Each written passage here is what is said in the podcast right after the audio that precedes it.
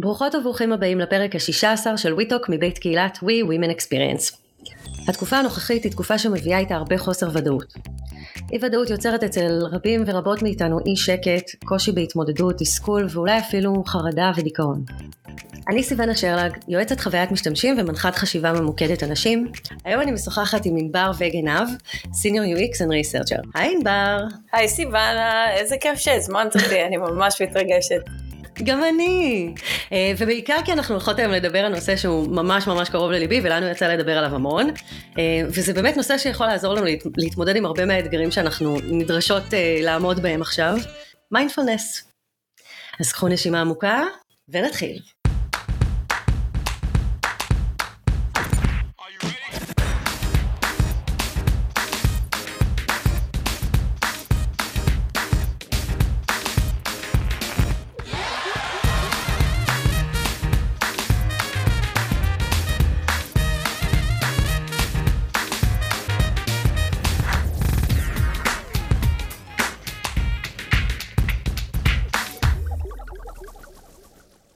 טוב, אז לפני שנצלול ישר לתוך הנושא של מה זה מיינדפולנס ומה ה impact שלו על החיים שלנו ובעיקר על החיים המקצועיים שלנו, אז אה, ענבר, תוכלי לספר לנו קצת על עצמך?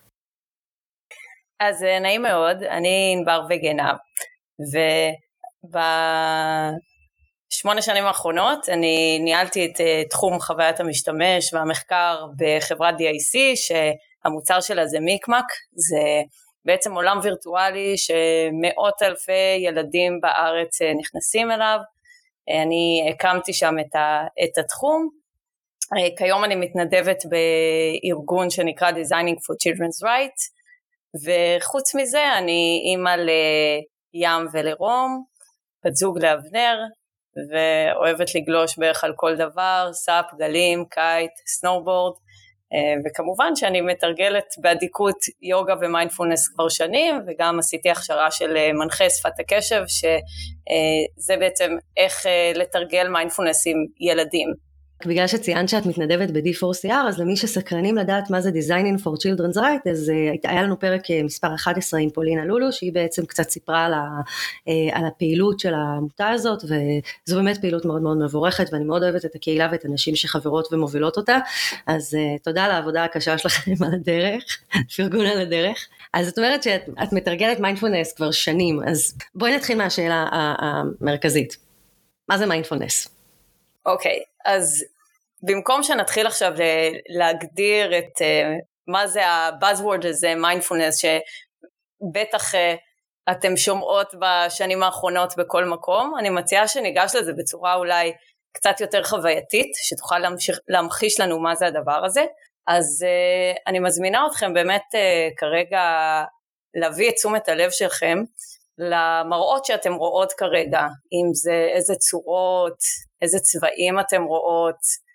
אמ, אני מזמינה אתכם לשים לב לתחושה של המגע שיש בכפות הידיים כרגע, במה הן נוגעות כרגע, אם זה משהו חם או קר, אם אה, יש לו מרקם חלק או מחוספס, קשה או רך. ואני מזמינה אתכם לשים לב לתחושות שיש לכם בגוף כרגע. אולי אה, הכתפיים כואבות, אולי יש איזושהי תחושה בבטן, אולי רעב כי עדיין לא אכלתי ארוחת בוקר.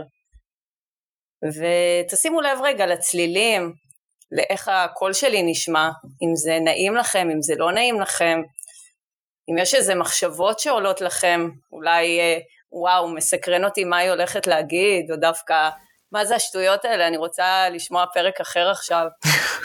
אז אה, בעצם מיינדפולנס uh, זה, זה היכולת שלנו להיות בתשומת לב מכוונת למה שקורה עכשיו, אם זה החוויה החושית שלנו, אם זה התחושות הגופנויות שלנו, אם זה המחשבות שעולות לנו, ובעצם להיות uh, uh, מודעות אליהם ולא להיות שיפוטית לגבי מה ש, שקורה כרגע.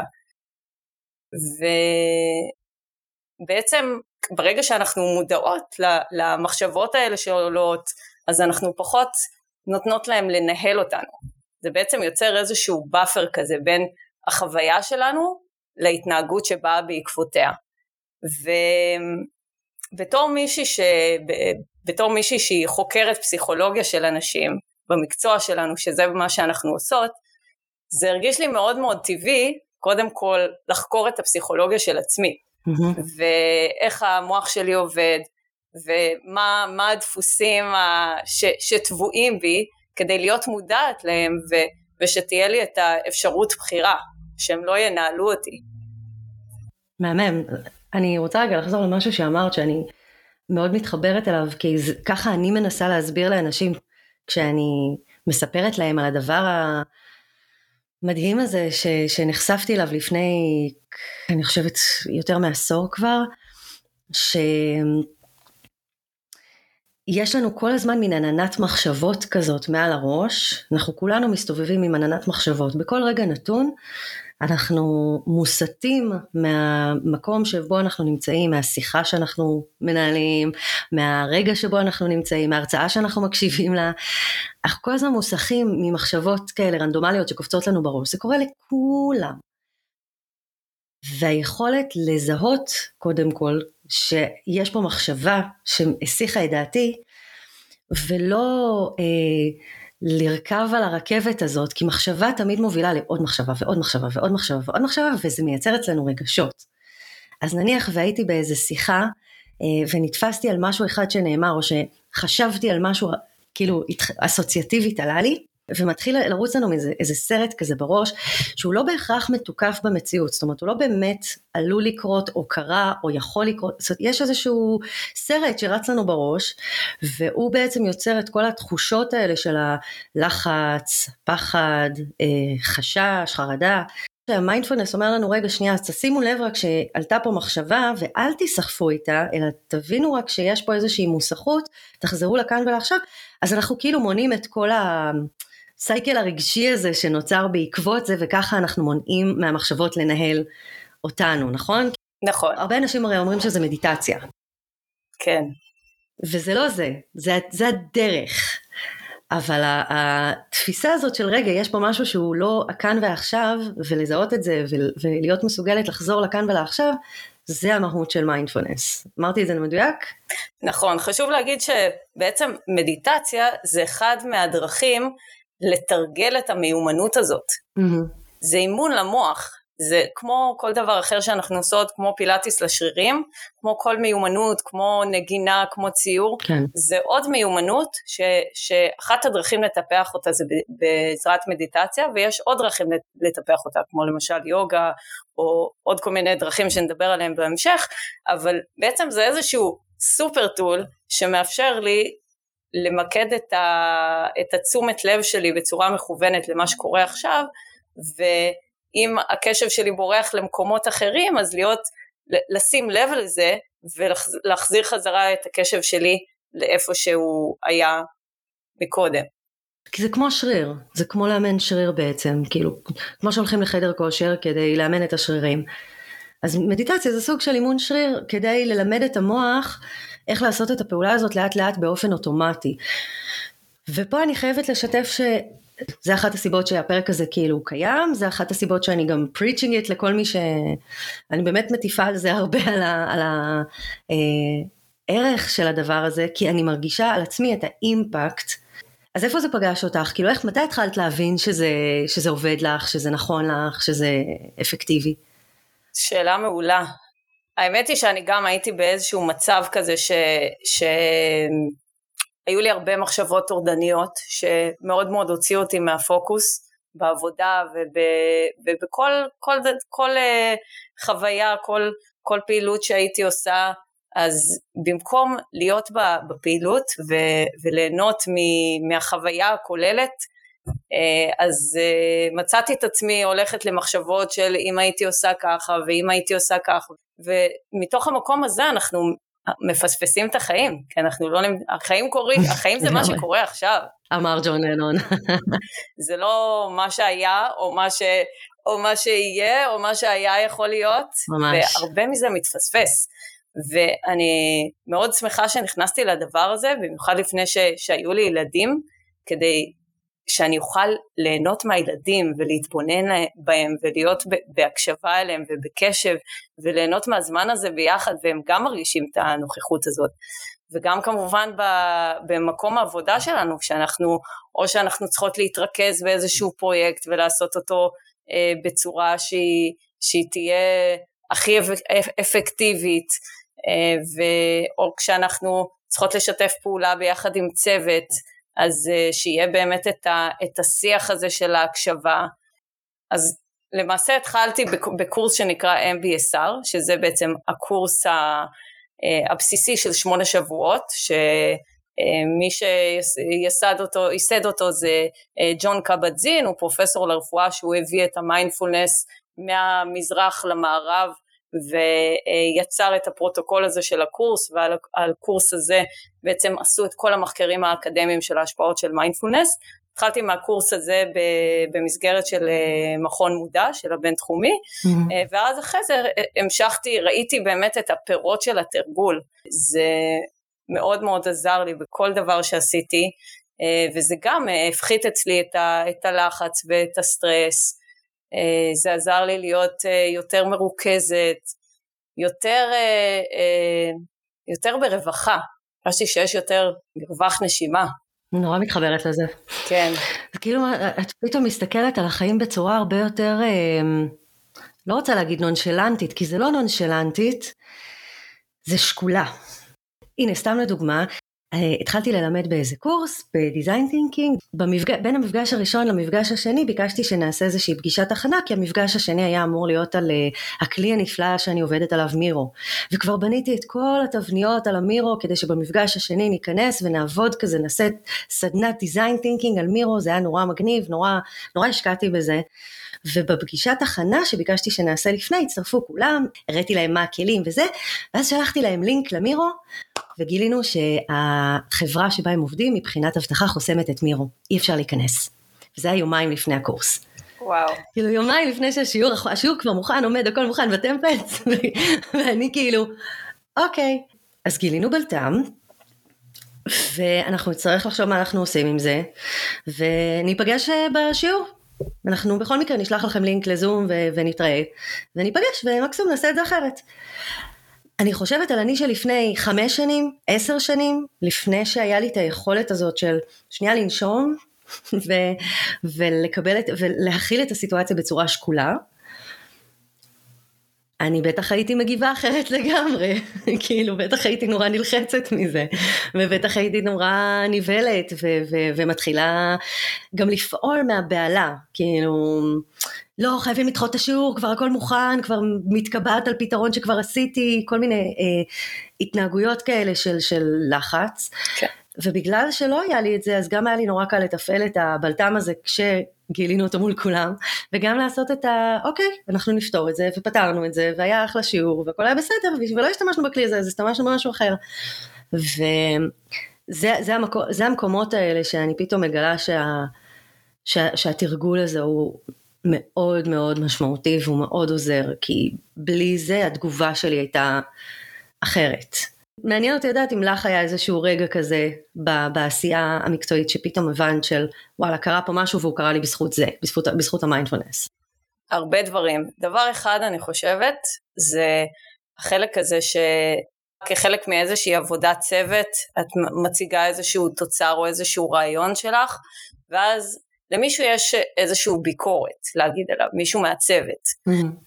המחשבה האוטומטית שיכולה לעלות, הדפוס האוטומטית זה אוי לא, אני לא טובה והרעיונות שלי לא מספיק טובים ואולי אני לא מתאימה לתפקיד הזה, זה יכול לקרות אגב גם אה, בראיון לדוגמה.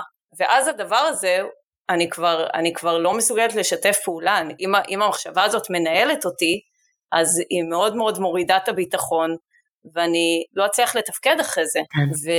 והמקום הזה של המיינדפולנס, של לזהות, אוקיי, מגיע האורח הזה במיינדפולנס, אוהבים, יש את האור, חמשת האורחים, אז אם מגיע האורח הזה של הביקורת העצמית או הספק, אני יודעת, אוקיי, עכשיו האורח הזה נמצא, אני מקשיבה לו בסדר, אבל אני לא נותנת לו לנהל אותי. בסדר, אז הוא אמר, הביא את הביקורת, אני מקשיבה לו רגע בעיניים פתוחות, אני, אני מקבלת, אני פותחת את הראש, והדבר הזה בעצם יוצר קולבורציה יותר טובה והפריה הדדית יותר טובה ועבודת צוות טובה כש, כשמגיעים מה שנקרא גם בגישה סקרנית וגם uh, יש את ההתכוונות במיינדפולנס שמכנים אותה beginner's mind שבעצם לכל חוויה אני מגיעה פתוחה לחוויה ולא נעולה ומקובעת על, uh, על סמך החוויות הקודמות שלי. כן. שזה יכול לבוא לידי ביטוי גם עכשיו שאני מגיעה לפגישה עם הרעיון שלי ואז אני בראש שלי מקובעת על איזשהו משהו, לא, אני מגיעה לשמוע, פתוחה. איך זה יכול לעזור בתהליך של חיפוש עבודה. למשל, אם לצורך העניין היה לי רעיון לא מוצלח, אז הרעיון הבא שאני מגיעה אליו, לבוא כמה שיותר uh, בראש נקי, ולא לחשוב, אוי, אני לא טובה ברעיונות, אז זה כבר uh, מה שנקרא מחשבה יוצרת מציאות, זה כבר, כבר הסיכויים שלי להצליח ברעיון הזה, אם אני באה ב mindset הזה, הם הולכים ויורדים, וגם כשאני מגיעה עכשיו לעשות איזשהו מחקר, אז uh, אם יש לי איזה שהם uh, השערות, אז לא לבוא נעולה עליהם, אלא פשוט להתבונן, לבוא בהתבוננות. זה מייצר, אני חושבת, מחקר שהוא יותר נקי. פחות מושפע מבייס. אם אני שנייה סוכמת רגע את מה שאת אומרת, זה שהתרגול של המיינדפולנס יש לו אימפקט גם מבחינה פנימית והיכולת התמודדות שלנו עם ביקורת, עם כישלונות, עם אכזבה, ולהתנהל בפעם הבאה או באותו רגע אפילו בצורה הרבה יותר מטיבה, אבל גם ברמה המקצועית יש לזה המון ערך כי את הרבה יותר מסוגלת לבוא unbiased, כי את באמת באה ב... פתיחות, בחוסר שיפוטיות, כשאת שומעת מרואיין שלך או מרואיינת אומרים משהו שיכול להיות שהוא לוחץ לך על איזשהו טריגר אישי שלך, יש לך את היכולת הטובה יותר ל- לשמוע באמת את מה שהוא אומר ולא לשפוט את זה ולא להלביש על זה את, ה- את הטרמינולוגיה שלך או את, ה- את ה framing שלך כי את באה ב beginner's mind. אז יש פה ערך כפול בעצם. אני חייבת להוסיף איזושהי כוכבית ש... כל הזמן אומרים חוסר שיפוטיות, חוסר שיפוטיות, ואני רוצה להגיד שזה לא קיים בעולם. לא. אין דבר כזה. אין דבר כזה. כולנו, יש לנו את המחשבות השיפוטיות, פשוט המיינדפולנס מאפשר לנו לזהות את זה, ושהדבר הזה לא, לנהל, לא ינהל אותנו. התחלנו לדבר על האימפקט של זה ברמה המקצועית, בואי, בואי נדבר קצת על דוגמאות קונקרטיות. איפה אנחנו יכולים לשלב תרגול מיינדפולנס בעשייה המקצועית שלנו. אז דיברנו קצת על מחקר, סתם דוגמה אה, של דברים שאני עושה למשל, אה, חמש דקות לפני שאני נכנסת לראיון עם אה, משתמשים, שאני במסגרת מחקר שאני עושה, אני אעשה איזה חמש דקות של מיינדפולנס כדי לבוא נקייה, כדי קצת לנקות את ה... לבוא טאבולה ראסה כזה, beginner's mind, לבוא קצת יותר במקום השקול והרגוע והלא שיפוטי. איזה עוד מקומות יכולים אה, לעזור לנו? כשאת אומרת לי, אה, לפני אה, שאת עושה ראיונות, שאני עושה מיינדפולנס, נגיד מישהו עכשיו שהוא לא מתרגל מיינדפולנס, אני לא, אני לא בטוחה שזה אומר לו משהו. Hmm. אוקיי, אז בואי ניקח צעד אחורה ונדבר על מה זה בעצם אומר, איך עושים את זה אולי. איך מתרגלים. כן. Okay. יש כמה דרכים לתרגל, הדרך הכאילו הפורמלית זה, זה, זה איזושהי מדיטציה שהתשומת לב שלנו היא, אנחנו מכוונים אותה לתחושת הנשימה, ואנחנו, אם התשומת לב שלנו בורחת אז אנחנו שמים לב ומחזירים למוקד של הנשימה, זה סוג אחד של תרגול. הוא גם הכי נפוץ אני, ממה שאני מכירה, הוא גם הכי כאילו קל, קל לאנשים מאוד להתחבר לנשימה ולשמוע, כאילו לחזור לבסיס הזה כי, כי הוא נורא basic, את לא יכולה להתעלם מהנשימה, את יכולה מאוד בקלות לחזור אליה. נכון? זה כאילו הפורמט הבסיסי. אה, זה דווקא תרגול שהוא, אני מוצאת אותו יותר מאתגר. וואלה. כי התודעה שלנו היא, היא תמיד מחפשת אקשן, והיא תמיד מחפשת אה, לברוח למקומות אחרים, אז מקומות דווקא של תנועה, או של מוזיקה, של להתרכז בצלילים, זה, זה משהו שהוא, להרבה אנשים הוא יותר קל להם. כי הנשימה זה כאילו משהו שהוא משעמם, וגם יש הרבה אנשים ש, שכבר קשה להם להתחבר למקום הזה, אנחנו כבר, זה משהו שהוא כל כך אוטומטי וכל כך רגיל, שאנחנו כבר לא, לא שמים לב אליו. נכון. נגיד, תרגול שאני מאוד מאוד אוהבת, שאני מציעה לכם שאתם, שאתם uh, באות לברוקר ואתם uh, רוצות לשתות את הקפה שלכם, תעשו את זה בתשומת לב.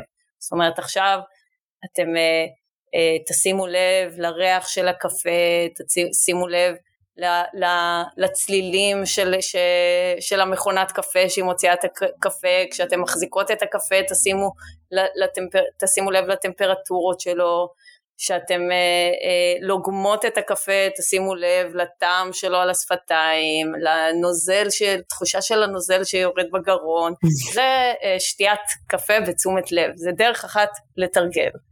אה, עוד אה, דרך לתרגל זה אה, עכשיו ש... אני יכולה לצאת החוצה לשוטט, בלי טלפון כמובן, ופשוט להביא את תשומת הלב להליכה שלי, לתחושה של הרגליים שלי שעולות ויורדות ועולות ויורדות. אני אציע עוד איזשהו תרגול שאני מאוד מאוד אוהבת אותו, וזה תרגול שהוא יחסית קצר ואני אוסיף אה, גם אה, לינק אחר כך להנחיות לתרגול. של uh, עמוס אבישר, שאני מאוד מעריכה אותו, הוא גם היה חלק הרבה שנים מבית ספר סגול של מוח ותודעה. זה, זה למעשה תרגול של התכוונות, שהמטרה שלו זה לקרב אותנו, למקד את תשומת הלב שלנו בכאן ועכשיו, ושהפעולות שלנו הן יהיו יותר מבוססות על הערכים שלנו, אוקיי? Okay? אז זה, זה תרגיל שמתחיל בלראות, לשחזר את, את הדרך שעשיתי לכאן, מה היה עד עכשיו, ממתי שקמתי, רגע להיות, ב, לשים לב למה קורה לי עכשיו, ואז לחשוב על, על הכוונות שאני רוצה להביא להמשך היום, או לפגישה עכשיו, או לראיון שאני הולכת לעשות. זה, זה פשוט לחזור, להגיד לעצמך איזה שהם מילים שמחברות אותך לכוונות האלה. אה, ו, וזה בעצם, זה עוזר, אה, אה, זה עוזר לשים אותם בראש, זה עוזר, זה עוזר להיות מחוברות אליהם. Mm-hmm. עכשיו, יש איזשהו מיתוס שתרגול טוב זה תרגול שאני מצליחה כל הזמן להיות בתשומת לב והראש שלי נקי ממחשבות, זה לא יקרה. תשכחו מזה.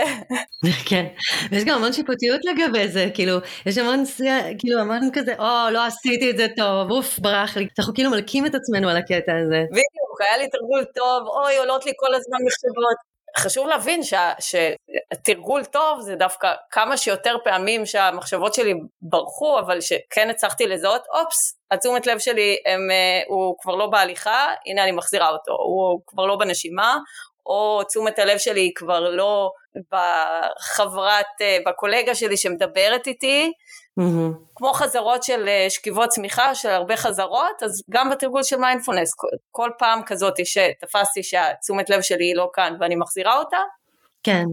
זה, זה עוד חזרה, זה עוד תרגול. כן, אני משתמשת באפליקציה שנקראת קאם. C-A-L-M, אני ממש ממש ממליצה עליה, יש גם את Headspace, יש גם כל מיני, באמת אחד המנחי מדיטציות הכי אהובים עליו, עליי שם, באמת דיבר על הקטע הזה ש-any practice is good practice. כל זמן שאת עושה את הפרקטיס ואת באה בכוונה ואת uh, עושה את החמש דקות האלה, שתי דקות האלה אפילו, של שנייה להיות בכאן ועכשיו ולראות מה קורה סביבך, גם אם אלף פעמים קפצו לך מחשבות בראש, עצם העובדה שבאת עם הכוונה זה כבר פרקטיס טוב, זה כבר את עושה משהו בשביל עצמך, את עושה משהו בשביל ה-peace of mind שלך, אה, וזה בפני עצמו משהו שחשוב מאוד להכיר בו ולהוקיר תודה עליו. אז אה, any practice is good practice, וגם אם אתם יושבים ובהתחלה זה בעיקר מאוד קשה, זה הרבה יותר, זה תמיד קשה, אבל בהתחלה זה הכי קשה, שיושבים וקופצים כל הזמן מחשבות, מחשבות, מחשבות, זה בסדר, זה חלק מהעניין. גם לעשות 100 כפיפות בטן אי אפשר לעשות 100 כפיפות בטן מהרגע הראשון, צריך לתרגל ולעשות בהדרגה. כן. אז ככה זה גם עם מיינדפולנס. לגמרי. והגישה היא גם גישה סלחנית. גישה סלחנית כלפי עצמנו, שאנחנו נהיה, נהיה יותר סלחניות ואמפתיות ומכילות כלפי עצמנו, ככה אנחנו גם נהיה יותר סלחניות ואמפתיות כלפי האנשים שאנחנו עובדות איתם, או כלפי המשתמשים שעבורם אנחנו אה, מאפיינות ומעצבות את, ה, את המוצרים שלנו. בוא רגע נזהה אבל את המקומות האלה בהקשר של העבודה, בסדר? כאילו ממש נמפה אותם. כאילו מה הנקודות האלה שבהם היית ממליצה לאנשים שנייה לקחת את ההפסקה חמש דקות, עשר דקות לפני ולתרגל, בכל דרך שהם יבחרו. הייתי אומרת לפני פגישה, לפני, לפני בכלל שאנחנו נכנסים למשרד רגע, לקחת את הכמה דקות האלה, איך אנחנו, איך אנחנו רוצות להתחיל את היום, מה, מה המטרות שלנו, ואיזה נוכחות אנחנו רוצות להביא. זאת אומרת אם אנחנו עושות באוטובוס או אם אנחנו הולכות ברגל בדרך למשרד זאת אחלה הזדמנות לתפוס כאילו את הסרטון ביוטיוב או את הפודקאסט או את האפליקציה, שצל את הדרך הזאת למשרד עוד לפני שמגיעים כדי לעשות את התרגול הזה. הייתי אומרת דווקא בדרך להשתמש במה שקורה בחוץ לצורך התרגול. מבינה? אפילו לא hmm. צריך אפליקציה.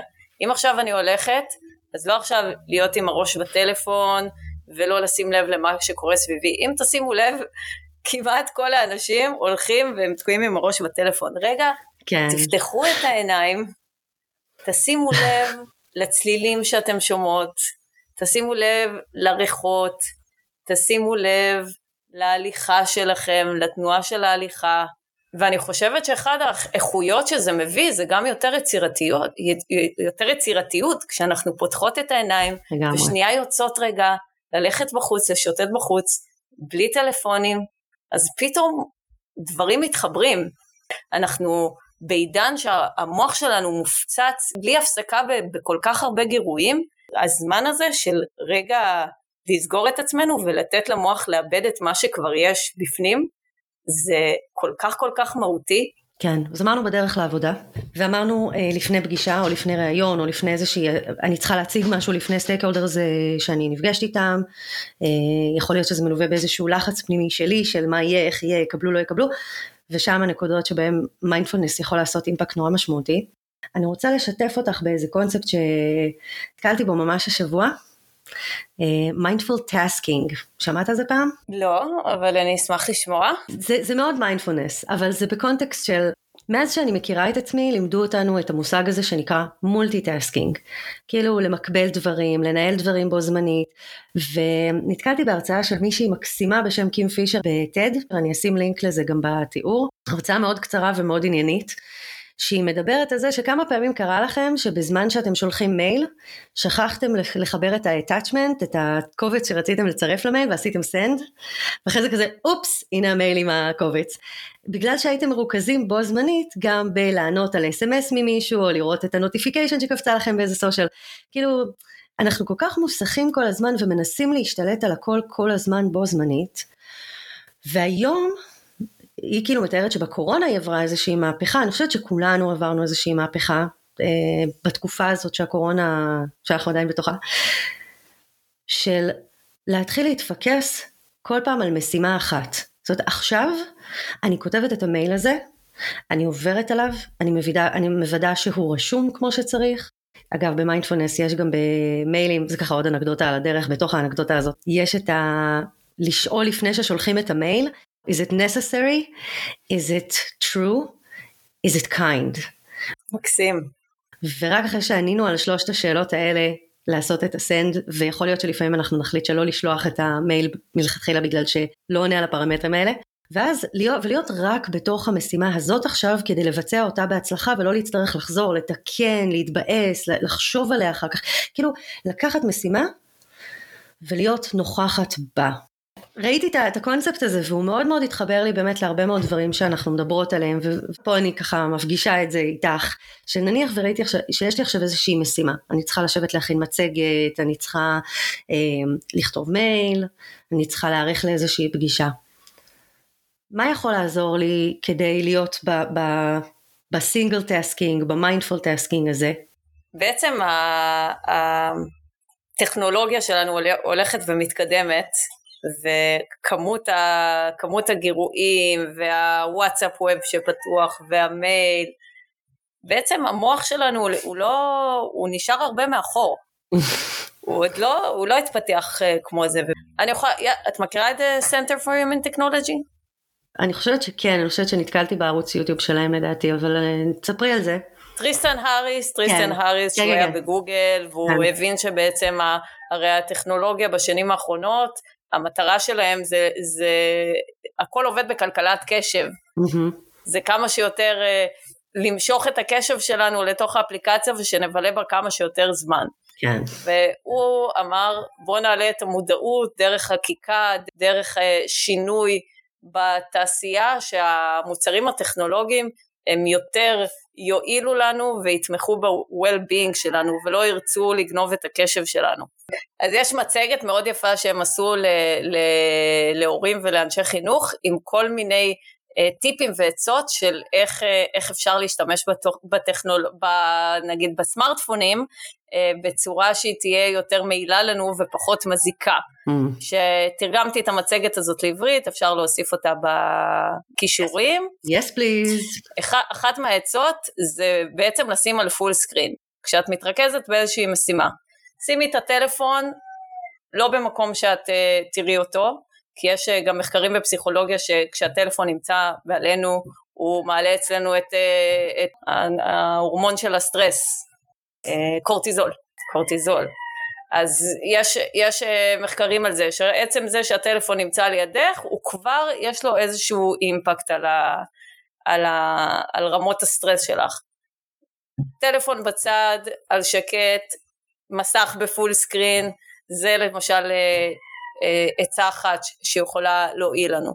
כאילו לנקות את כל המרחב מההסחות דעת. כן, כמובן להשתיק את ההתראות, אני כבר שנים השתקתי את ההתראות בוואטסאפ ובאס.אם.אסים עם כל הקבוצות אה. של ההורים, של הזה, של כן. הפה, אז זה גם איזושהי עצה. לגמרי. שאנחנו רוצות לעבוד על איזושהי משימה מסוימת, ויכול להיות שאנחנו נתקלות באיזשהו קושי או אתגר, אז הדבר הזה יוצר אצלנו תחושה של, חוס, של לא נעים. זה לא נעים שאני נמצאת באיזשהו קושי, ותמיד התודעה שלנו רוצה ללכת למקום של נעים. Mm-hmm. אז אחת מהדרכים זה עכשיו uh, פתאום ללכת uh, לוואטסאפ או לפייסבוק, לקבל את המנת דופמין הזאת, פתאום uh, uh, אני מאוד סקרנית לראות מה שלום אימא שלי, או אני פתאום, אה, לא דיברתי עם החברה הזאת, או אני אראה רגע גוללת באינסטגרם, ו, והדבר הזה הוא קורה בלי שאנחנו mm. שמים לב. וחלק מהפירות של התרגול זה רגע להיות במקום הזה של הלא נעים ולשים לב שעלו לי המחשבות והרצון ללכת למקום אחר, אבל אני מזהה אותם כן. ואני אומרת אוקיי, אני אשהה רגע בלא נעים הזה. וואי, אני כל כך מתחברת לזה, כי אני הבחנתי לפני איזה שנתיים עם, אה, עם אה, ADHD, ואחד הדברים שהכי מדברים עליהם אנשים שחווים את הסימפטומים של ADHD, זה הדחיינות הזאת של המקום שלא נרצה שיהיה לנו בו לא נעים. אז אם יש לי משימה, עד שנכנסים אליה, יש המון דחיינות בגלל המקום הזה הלא נעים. זה הרבה עבודה, זה עבודה מורכבת, זה דורש ממני עכשיו אה, להתכנס לזה וזה. ו... אני יכולה לשתף בשני טריקים שאני עובדת איתם, שאת גם ציינת חלק מהם, ש, שהם באמת מאוד מאוד מועילים. אני לא חושבת שהם מועילים רק ל-ADHD, אני חושבת שהם יכולים להועיל לכל אחד ואחת. לסגור ביומן זמנים קבועים שבהם אני יודעת שבשעתיים הקרובות אני הולכת לערוך את הפודקאסט הזה, או בש... בש... לא שזה לא נעים לי, זה מאוד כיף לי, זה נעים לי מאוד, אבל זה דורש ממני עבודה, זה דורש ממני הרבה מאמץ. אז אני סוגרת לי ביומן את ה... אני הולכת לעבוד על המצגת הזאת, אני הולכת לעבוד על השיעור הזה ואני סוגרת לי את הזמנים האלה ביומן ואז כבר אני מוכוונת מטרה. וכשאני מתיישבת על המחשב, לסלוח לעצמי אם עשיתי את זה חמש דקות באיחור, דיברנו קודם על סלחנות לעצמנו, אז לסלוח לעצמי אם התיישבתי עשר דקות באיחור, חמש דקות באיחור, ולאפשר לעצמי באמת לצלול לתוך המשימה על ידי זה שאני גוזרת כאילו את ה tab ב browser, אני פשוט גוזרת אותו ל full screen, ככה שאין לי, ב, כשאני עובדת על ה browser, אין לי עוד מלא טאבים, שאם פתאום מישהו כתב לי במסנג'ר או בלינקדאין או בכל מקום אחר, פתאום יש לי תזוזה כאילו בטאבים, אלא אני עכשיו רק פה, רק במשימה הזאת. הטכניקות האלה, אני נותנת הרבה קרדיט לתהליך המיינדפולנס, שבעצם לימד אותי איך לסלוח לעצמי כשאני לא מצליחה, לבוא בקשיבות, לבוא במוכוונות כאילו וליצור לעצמי את המרחב המיינדפולי הזה, מיינדפולסלי, מלא המודעות הזה. ו... ואני חושבת שזה כאילו באמת טקטיקות שהן טובות לנו בעולם המטורף הזה. התחלנו את הפרק מלדבר על חוסר הוודאות וה, והבלגן שקורה עכשיו בחוץ ואיך הוא משפיע עלינו פנימית, והכלים האלה באמת באמת עוזרים כאילו להתמודד עם הדברים האלה בצורה הרבה יותר מוצלחת והרבה יותר... אה, כן. מרווחת, כמו שאמרת כל כך יפה, כאילו עם, עם איזושהי רווחה, עם איזושהי מרווח נשימה. יש עוד, uh, עוד תרגול שאני יכולה להמליץ עליו, בהקשר של uh, uh, תקשורת בין אישית, זה תרגול של שיח בהקשבה, שאפשר ממש להשתמש בטיימר, וכשאני עכשיו בשיח עם אחד מחברי הצוות שעובדים איתי, או אפילו גם אפשר לתרגל את זה עם בני הזוג בבית, זה גם מאוד מומלץ וחשוב. זה בעצם עכשיו אני שמה טיימר, שלוש דקות, מישהו מולי מדבר ואני נמצאת רק בהקשבה. רק בהקשבה, אני לא מגיבה, לא זה, ואז גם אני שמה לב כל פעם למחשבות האלה, כמו שאמרת בהתחלה, שאני כל פעם, אני רוצה להגיד, אני רוצה להגיד, אבל אני נמצאת רק בתשומת לב ואני ממקדת את תשומת הלב שלי וההקשבה שלי רק, רק ב, ב, במילים של, של מי שעומד מולי, אה, ו, ואז אחרי זה מתחלפים, אז זה תרגול מאוד מאוד מעניין, ממש מומלץ uh, להתנסות בו. מהמם. Um, כן, וזה גם, uh, זה גם במיוחד אצ, אצלנו הישראלים, שהשיח הוא הרבה פעמים שיח של, אה, של לקטוע אחד את השני ולהיכנס לדברים, אז... אז לא, אבל. על אחת... כן, על אחת כמה וכמה, יש כזה... גרף מאוד מאוד יפה של אה, שיח של ישראלים, שיח של אמריקאים, את מכירה את זה? לא, לא נתקעתי. של, של, של ישראלים זה כזה הכל מעורבב, ואמריקאים זה כזה רווח, רווח, רווח. הקטע הזה של התקשורת, יצא לי לעבוד עם ישראלים, יצא לי לעבוד עם הרבה אנשים מסביב לעולם, יצא לי לעבוד גם עם אמריקאים, והוא כל כך, כשאת, כשאת, כשיש לך את החשיפה הזאת לצורת תקשורת אחרת בחו"ל, לעומת צורת התקשורת הישראלית, זה פתאום כל כך צורם, וזה מייצר שיח שהוא לא, לא אפקטיבי. אז זה אגב אחת הסיבות שאני מאוד מאמינה ב design thinking, ואני מאוד מאמינה ב... אה, בכלים האלה שהם עוזרים לא לשנות את האנשים עצמם, לא לשנות את התרבות שלנו, כי ככה אנחנו חונכנו מבטן ולידה וככה אנחנו מתנהלים פה בתרבות הישראלית. החל מעולם החינוך, אם מישהו מקשיב לנו והוא בעולם החינוך, אז מיינדפולנס בבתי ספר יכול ליצור תקשורת אפקטיבית הרבה יותר. שפת הקשב. לגמרי. ת, ת, תביאו ל, ל, לילדים שלכם שפת הקשב לבתי הספר כבר מגיל צעיר, הלוואי ש... היו מלמדים אותי את הדברים האלה בתור ילדה. אמן. אז זה מדהים, כאילו איך, איך הצורך הזה בתקשורת אפקטיבית, בשיח קשוב, כמה הם אה, לא מונחלים לנו מגיל צעיר פה בתרבות שלנו הישראלית, וכמה כשכן מאמצים אותם, איזה, איזה אפקט יש לזה כאילו לך כמישהי שעובדת מול אנשים אחרים בלשתף איתם פעולה, בל, בלהבין אותם, בלרתום אותם לתהליכים, זה כל כך משמעותי. שתי שאלות לסיום. אה, שאלה ראשונה, מוכנה? כן. פינת הפרגונית של וויטאק. אז שאלה ראשונה, פינת הפרגונית. את מי בקהילה המקצועית, לוקאלית או גלובלית של חוויית המשתמשים את מעריכה ולמה? וואו, אה, זה קשה לבחור מישהי אחת, זו קהילה כל כך מופלאה של נשים מדהימות. אני אגיד שולי גילוץ, שהיא מומחית בחוויית משתמש לילדים, והיא הקימה את הסניף הישראלי של Designing for Children's Right, ארגון עולמי מדהים שמבוסס על כולו על מתנדבים של אנשים מהתעשייה והאקדמיה שהמטרה שלהם זה להעלות את המודעות וליצור שינוי כך שהמוצרים שמוצ... שיוצרים עבור ילדים הם יותר יתמכו בהתפתחות שלהם וב-well-being שלהם. וענבל ורמוס המדהימה שהיא כרגע מובילה את, ה... את הארגון בארץ, וכמובן ממובילות ווי, פמטק, ועוד כל הנשים המדהימות בארץ שמתנדבות בארגון הזה.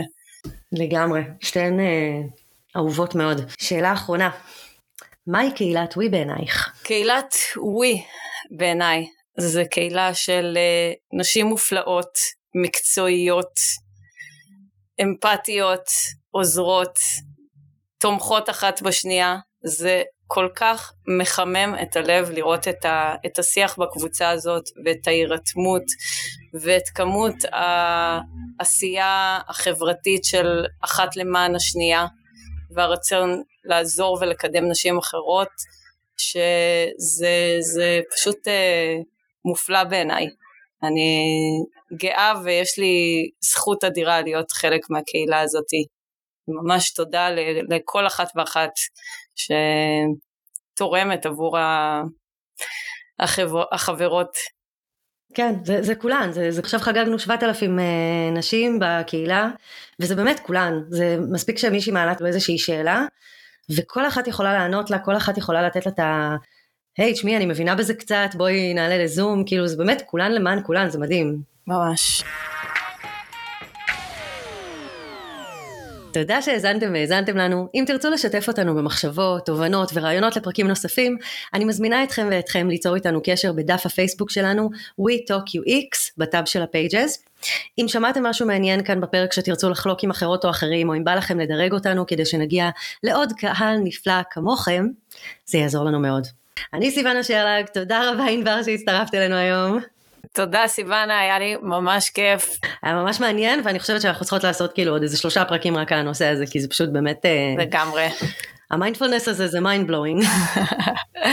לא כיסינו עשרה אחוז, חמישה אחוז. ממש. תודה, ביי. ביי. ביי.